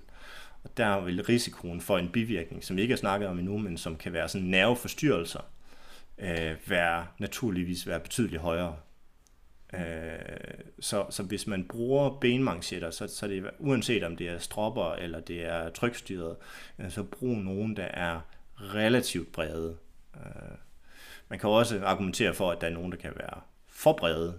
Øh, så der er også nogle manchetter, der ligesom er 20 cm, og der er nogle enkelte studier, der ligesom indikerer, at man får sin primære træningseffekt ikke under manchetten, men syd for manchetten. Og hvis man har en manchet, der fylder hele låret, jamen så, så er det jo så også begrænset, hvad man kan få af, af muskeltilvækst der. Og der, det gør også noget i forhold til øh, mobiliteten. Øh, så sådan en, en god størrelse ligger på de her 10-12 cm øh, bredde, og hvis man så bruger straps eller knækhoge, eller hvad ved jeg, jamen så sørg for, at de er brede nok, enten ved at lægge dem øh, sådan under hinanden.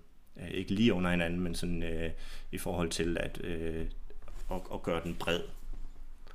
Mm. Og specielt hvis man har ben med en, med en stor omkreds, fordi så skal der mere tryk til.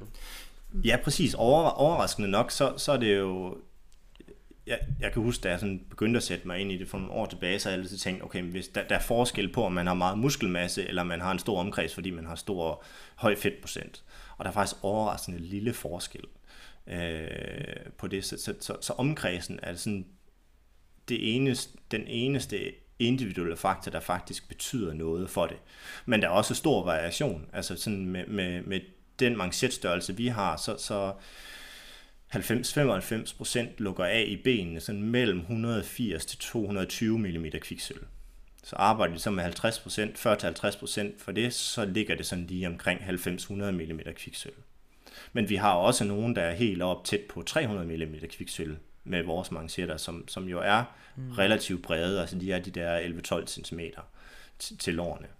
Øh, så, så der er bare stor individuel forskel, og det er sådan, det er sådan det primære argument, at man ser i forskningen for, hvorfor man skal bestemme den her AOP. Det er både for at mindske risikoen for nogle af de her kontraindikationer, som vi har været inde på, øh, men det er også bare for at, at ramme noget, der ikke nødvendigvis bliver for ubehageligt. Altså vi vil gerne skabe så lidt ubehag som muligt, og så få en så høj træningseffekt som muligt. Mm. Og, og den øh, afklemning, den vurderer I ligesom, når I kan se sådan det der farveskifte? Ja, altså vi, Eller nej, vi bruger sådan set udstyr, så når vi, når vi holder kurser, så ja. uddanner, så har vi, så har vi sådan nogle dobler med. Øh, okay. Øh, og så, så og det er jo sådan, det hedder auskultor, auskultoriske dobler, så det er sådan med lyd bare, man kan ikke, man kan ikke se det. Sådan golden standard, det er at bruge ultralyd, hvor man ligesom kan se det på skærmen. Det er bare meget, meget mm. dyrt udstyr. Så det er mere realistisk for en fysioterapeut at have øh, sådan en vaskulær dobler, hvor man bare lytter til det. Og så har vi nogle protokoller for, hvordan man bestemmer det her AOP. Øh, og så arbejder vi typisk, afhængig af hvilken protokol man skal lave, så hvis man skal lave det her med meget lille ydre belastning, så man typisk arbejde med en, en højere procentdel af AOP, altså højere arbejdstryk i manchetten, og arbejder man med det her klassiske øh, styrketræning ved 20-40% af en gentagelsesmaksimum, så ligger det sådan ofte på, på 40-50% af AOP. Øh, og, og det er jo selvfølgelig fordelen for fysioterapeuten, det er, at de også kan journalføre det ret præcist og, og ligesom skrive deres fremgangsmåde ned. Hvor øh, sætter man egentlig de her øh, manchetter eller øh, straps, hvor sætter man dem henne? Fordi jeg har også hørt lidt øh, sådan forskellige øh, holdninger til, om man kan sætte dem sådan hen over skulderen, og så kan man ligesom øh, få øh, blood flow restriction i sine skuldre også, eller kan man sætte dem sådan på maven, og så få det i glutes, eller Hvordan, hvordan fungerer det egentlig med de her straps? Ja. Er der nogle bestemte steder, vi kan sætte de her fast på, hvor det giver mening? Eller kan man sætte dem, hvor man vil, og så kan man få hypertrofi i hvilken som helst muskel? Ja, rundt om halsen, så har vi hele kroppen. Ja, ja præcis. Det er det, jeg tænkte. ja. Kæmpe Ja, nej, altså sådan... Det er det, alle gerne vil have. Nej, altså sådan, øh, som, som udgangspunkt, så er, det, så er det de to steder, man, man, man placerer dem i langt overvejende grad. Det er øverst på armen, og man plejer at sige, at man skal, man skal sætte dem så proximalt som overhovedet muligt. Det vil sige så, så højt op på armen som muligt, men ikke over skulderen. Det er svært at afklemme nok der. Øh, og det samme i forhold til låret. Jamen, placerer dem så højt på låret som overhovedet muligt, fordi vi har den største træningseffekt syd for, for manchetten. Øh, hvis man så skal træne sin læge for eksempel, jamen, så anbefaler man også stadigvæk at placere den rundt om låret, fordi man har nogle meget superficielle nerver, øh, sådan lige, lige omkring knæhasen, lige bagved, så, så, så der kan komme sådan et, et for højt mekanisk tryk via en manchet. Øh, så som udgangspunkt, også selvom man skal træne øh, underekstremiteter underekstremitet og, og nedre underekstremitet, jamen, så smid det på, på låret. Det tror jeg er meget godt lige at få på pladsen, så vi ikke øh, har folk, der render rundt med de der stropper alle mulige mærkelige steder. Ja, ja. ja.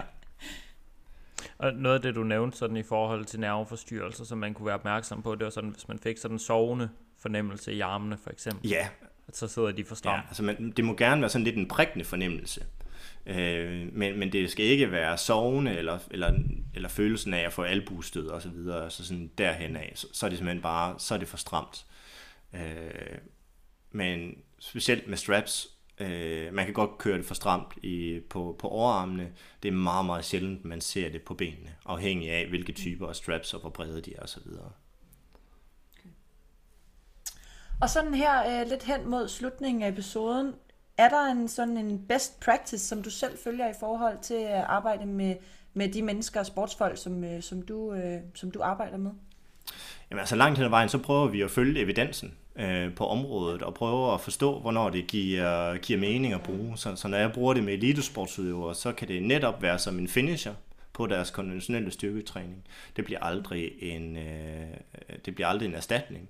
Vi bruger det også, vi har brugt det i nogle år i forhold til sådan øh, sceneproblematikker.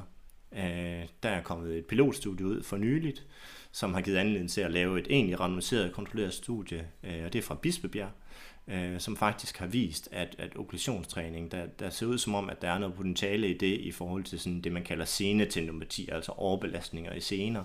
Det kunne være akillesene betændelse, tror jeg, man bruger som, øh, som term, øh, eller, eller springerknæ. Det er nok det, folk kender det bedst som. Øh, at der er faktisk potentiale der. Øh, og, og i den henseende er der faktisk et interessant nordstudie, som har fundet ud af, at hvis man ikke fjerner den udløsende faktor, hvis man har en eller anden overbelastning i sin scene, hvis man ikke har mulighed for eller kan fjerne den, over, den, den udløsende faktor, som typisk er spring eller retningsskift eller spring, altså sådan eksplosive bevægelser, og så laver deres protokol, det er jo så en ekscentrisk protokol, altså tung ekscentrisk styrketræning, så kan det faktisk virke lidt som at smide brænde på bålet. Det løser ikke problematikken, det kan i nogen henseender bare gøre det værre.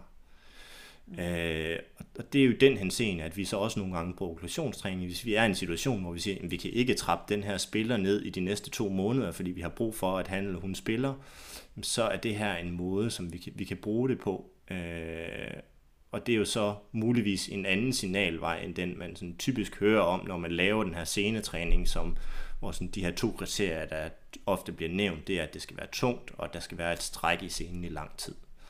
Øh, okklusionstræning kan man så med rette sige, måske opfylder kun et af de her kriterier. Det er i hvert fald ikke tungt, fordi det er så relativt øh, øh, lavintenst, men det går så måske ind, nu snakker vi om, at, at de her øh, akutte spikes i hormonniveau ikke påvirker muskel, øh, massen sandsynligvis, men det kan faktisk godt gå ind og påvirke øh, øh, sene, øh, senevæd. Øh, der er i hvert fald nogle studier, der viser, at, at sådan senevæv er ret plastisk, altså det kan tilpasse sig relativt nemt over for stigninger i, i nogle af de her hormoner. Øh, så den måde bruger vi det på. Vi bruger det også på udøvere, som har fået en skade, øh, og vi på en eller anden måde har brug for en accelereret genoptræning. Øh, så vi meget tidligt i fasen skal gøre alt, hvad vi overhovedet kan for at beskytte muskelmassen, og måske også, hvis det er en seneskade, jamen prøve at se, om vi kan få et eller andet stimulus til scenen. Øh, så langt hen ad vejen, når jeg bruger det, så er det i, i de kontekster. Øh, og så er det, ja, som sagt, tidligere i løbet af en sæson, hvor vi har måske, jeg arbejder meget inden for håndbold, så hvis vi har nogle spillere, der enten har tendens til at tabe sig, eller, eller bare skal tage på, fordi det er nogle unge spillere, der ikke har ramt den vægt, de skal endnu, jamen så er det en måde, hvorpå at vi kan, vi kan give dem det stimulus, uden at belaste dem meget ydre sådan mekanisk. Øh, fordi det gør vi allerede i den samlede træning, de får af deres tunge styrketræning og af deres halvtræning osv. Så, så det er, sådan, det er den kontekst, de har givet mening for os at bruge det i. Mm. Bruger du det selv? Øh, jeg har prøvet alle de her forskellige protokoller. Det er ikke sådan noget, jeg, ja. jeg bruger hver eneste dag. Nu går jeg heller ikke, jeg går heller ikke øh, fantastisk meget op i sådan den æstetiske del. øh, i forhold til, at jeg skal have store muskler og så videre. Det vil jeg også kunne gøre med alt det andet. Men hvis jeg er skadet, hvis jeg får en skade, så bruger jeg det øh, bestemt. Jeg bruger det egentlig, jeg tror, jeg bruger det mest, øh, nu, nu har vi lige haft sommerferie, så jeg bruger det mest, hvis jeg er et eller andet sted, hvor jeg ikke har adgang til at lave noget styrketræning, jamen så pakker jeg det typisk med, og så kan jeg faktisk lave det. Så kan man lave en eller anden form for hotelprogram. Det er også, øh, nu har vi lige haft, øh, nu har det lige været OL, øh, Team Danmark har også haft øh, vores udstyr med derovre. Vi har to af vores håndboldspillere, øh, herrehåndboldspillere, der har brugt det derovre, som har knæproblemer, men som har ligesom haft brug for at beskytte deres muskelmasse og holde deres funktion ved lige. Så, så i, de, i de her situationer, jamen der, der giver det mening at bruge. Ja. Har de så lavet Bulgarian split squats med øh, okklusion? Nej, nej, det har været meget, meget ah. simple øvelser, øh, okay. de har lavet, øh, der netop ikke kræver særlig stor øh, øh, balance eller styring.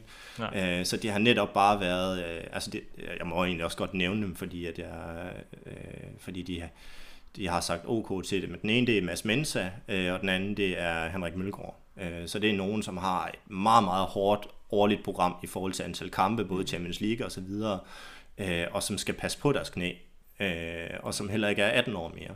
Så de har egentlig bare brugt det for at kunne beskytte deres muskelmasse Øh, og egentlig også, nogle af øh, øh Henrik Mølgaard har kunne bygge muskelmasse også øh, af det, samtidig med, at, at han ikke skal have en yderligere belastning, end det han får under en hård slutrunde. Jeg sidder lige og, øh, og prøver at gå igennem, at vi sådan har været omkring øh, de typiske spørgsmål, vi sådan får fra, øh, fra lytterne omkring øhm, okklusionstræning. Så hvis jeg lige sådan skal prøve at lave en, øh, en form for opsummering, så må du lige byde ja. ind, hvis, øh, hvis jeg rammer helt forkert nogle af stederne. Øhm, men kan man sige, at øh, okklusionstræning virker ikke bedre end ganske almindelig styrketræning? Det er der i hvert fald ikke nogen evidens for. Øhm, det kan måske bruges som et supplement. Der er evidensen lidt mere brugt mm. stadigvæk, men at, at det måske kan kan skabe muskelvækst, måske gennem nogle andre mekanismer, men måske lidt mere sandsynligt som et redskab til at øge vores træningsmængde, mm. uden at få så meget belastning på, på leder senere, fordi vi fremskynder muskeludmattelsen. Men der, at du i virkeligheden ser det som at kunne gøre rigtig meget, det vil være som sådan brobygning fra en skadestilstand for eksempel, og så som en del af genoptræning, og som en del af at, at bygge ny muskelmasse, eller at gøre en øh, klar før en operation øh, ved at bygge noget muskelmasse der, og så bruge det som en, en brobygning hen til at kunne vende tilbage til den almindelige styrketræning. Det var en bedre opsummering, end jeg selv kunne lave, så det er fuldstændig korrekt. uh, det er ja, fantastisk. Men, men, men ja, det er der, vi ser det helt store potentiale til af okklusionstræning. Som, som, når man har været i det her game mange år, så ved man også, at der ikke findes nogen gyldne løsninger, som bare løser det hele alting er sådan set kontekstuelt, og det gælder også okklusionstræning. Det kan noget, og i de rette kontekster, så kan det rigtig meget, og det er et anvendeligt værktøj. Men der er også nogle situationer, hvor der er andre ting, der bare er bedre.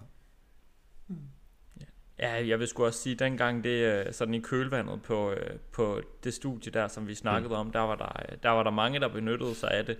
Øh, jeg selv inklusiv mm. gav, gav rigtig meget gas med det, men øh, ligner desværre stadig ikke en, der har taget det videre. Så, øh, så den, den virkning kan vi i hvert fald godt strege over. Men jeg, jeg tror måske også, det er vigtigt, at man sådan ved som person, der ligesom vil, vil bruge det her i sin styrketræning, at at altså, man skal ikke se det som et alternativ, Nej. og man kan ikke se det som sådan en genvej, hvor man siger, ah yes, så kan jeg bare køre med halv så tung vægt, og, øh, og så få de samme resultater. Fordi hvis man skal bruge sådan de sådan mest effektive protokoller, som du nævner, altså der kører man jo til, til failure, ja. eller tæt på. Det gør fandme ja. ondt. Altså det, det gør ondt, når man har, har afklemt sine ben eller arme og skal træne til udmattelse. Men jeg, jeg er fuldstændig enig. Øh, og det, det er jo netop det her med, at vi vil jo gerne have en så høj træningseffekt som overhovedet muligt, men egentlig med så lav ubehag. Med mindre, at man elsker det her the pump, altså man bare slet ikke kan få nok af det, så skal man godt nok lave, ja, så skal man godt nok lave okklusionstræning, fordi det får man af det. Øh, men det er jo så et helt andet argument. Men, men, men netop se det som noget komplementært til den tunge styrketræning. Og i visse perioder, hvor der er behov for at blive aflastet på den ene eller anden måde, jamen så, så kan det bruges der. Øh, som, som måske det bedste alternativ, vi har. Øh, og så skal vi blive meget, meget klogere i forhold til øh, sceneproblematikker. Øh, noget af det, vi ikke er nået at være inde på endnu, øh, som vi måske lægger tid til, det er jo sådan noget at kigge på forskellige patientgrupper. Altså det kan også være nogle mm. patientgrupper, der ikke kan tåle den her, øh, eller tolerere den tunge styrketræning. Der kan det jo også være ikke bare en brobygning, men noget, man sådan egentlig bruger, fordi man ikke har muligheden for det andet. Men har man muligheden, så synes vi stadigvæk, at det skal være målet at, at styre hen mod den tunge styrketræning. Du skulle aldrig have sagt det her med pump. Nu ender Nikolaj Bak med at lave øh, glukosionstræning øh, på daglig basis igen. Bare for at få jeg, har, jeg, har, jeg har lavet rigtig meget okklusionstræning. Jeg, jeg stoppede den dag, jeg lavede dips med okklusion, og øh, vores gode øh, Ida Thuring, hun kommer forbi og siger, det er fandme fiset, det der. Men altså, det er også, det er også mentalt hårdt. Altså, det er hårdt at lave den her udmattelsestræning, hvad enten det er med eller uden okklusion, meget, ja. meget ofte. Altså, så man skal virkelig ville det. Man, man skal sådan, det skal være, fordi man træner mod et eller andet. Enten det, eller så er man bare netop forelsket i, i pumpet. Mm. Altså, jeg har prøvet det et par gange, og jeg synes bare, det er mega sjovt, men jeg kan også virkelig godt lide den der brændende ja. fornemmelse. Det, har jeg, altså sådan, det synes jeg bare er super lækkert, men jeg har kun prøvet det et par enkelte ja. gange, og jeg tror heller ikke, jeg vil gøre det. Altså, jeg vil slet ikke bruge det som sådan en daglig uh, træningsting, men uh, jeg synes, det er meget sjovt at gøre det en gang imellem prøv, prøv at gøre det i benpres og, øh, og køre til failure, og så er du helt klart kureret for den failure. altså, jeg har gjort det i walking lunges. Det var ret fedt. Ja, det er meget værd i benpres. Okay, det er lort. Nå, det må jeg prøve så. Ja, det, ja, det er en hård omgang. Super fedt. Øh, jeg tror, vi er nået til, øh, til vejs ende, med mindre at, øh, at Thomas, du har en eller anden afsluttende kommentar her til sidst. Noget, som du synes, at vi lige skal have understreget en gang for alle. Nej, det tror jeg ikke. Jeg tror egentlig, jeg er kommet ud med, med, med de budskaber, jeg vil. Det, det var bare ja. det var en fornøjelse at tale med jer. Ja. Det har været øh, enormt spændende at, øh, at lytte med på, synes jeg. Virkelig, virkelig fedt, og jeg er også uh, sikker på, at lytterne kan bruge det til, til rigtig meget. Mm. Hvis kan... de vil uh, følge mere med i, hvad du laver, hvor kan man, uh, hvor kan man så finde dig henne? Øh, jamen altså, vi har jo, vi har, jeg tror det nemmeste, det er nok at skrive, jeg er på sociale medier, som alle mulige andre, så, så hvis man søger på, på videnform på, på Instagram eller Facebook, eller søger på Occlude BFR, så, så kan I få fat i mig der. Mm. Og øh, den her episode har jo været øh, længe undervejs, fordi vi har fået spørgsmål omkring det her emne i, øh, i lang tid, og, og derfor er jeg super glad for, at at vi havde dig med øh, her på en online forbindelse, Thomas. Så tusind, tusind tak til dig, fordi du havde lyst til at bruge tid sammen med os. Og øh, så vil jeg også sige uh, tusind tak til jer lytter, som har lyttet med, og vi håber, at I øh, vil være med ind i vores Facebook-gruppe også. Hvis der er, der er nogle spørgsmål til den her episode, så kan man jo øh, lige øh, smutte ind forbi Facebook-gruppen, og så vil vi prøve at, at besvare jeres spørgsmål så vidt muligt. Det var så afslutningen på denne episode. Hvis du gerne vil læse mere om træningsteamen og det enkelte afsnit, så kan du klikke ind på træningsteamen.dk. Og hvis du har spørgsmål til den enkelte episode eller har forslag til emner, vi kan tage op i en fremtidig episode, så har vi en Facebook-gruppe, som du kan tilmelde dig. Facebook-gruppen hedder Træningsteamen, og herinde er der mange dygtige og kompetente mennesker, som sidder klar til at hjælpe dig. Hvis du kunne lide den her episode og gerne vil høre flere episoder, så er måden du bedst hjælper os med det på, er ved at give os en god anmeldelse i din podcast-app. Det tager ikke mange sekunder for dig, men det gør en kæmpe forskel for os og i udbredelsen af træningstimen. Det er jo netop for dig og for jer, at vi laver træningstimen. For vi brænder virkelig for at hjælpe så mange som muligt med deres kost- og træningsvaner. Og hvis du vil læse mere om Styrk og hvad vi ellers foretager os, så kan du klikke ind på styrkmig.dk eller følge os på Instagram under navnet styrk_dk. Nu er der vist ikke andet end at sige tak fordi du lyttede med. Vi høres ved.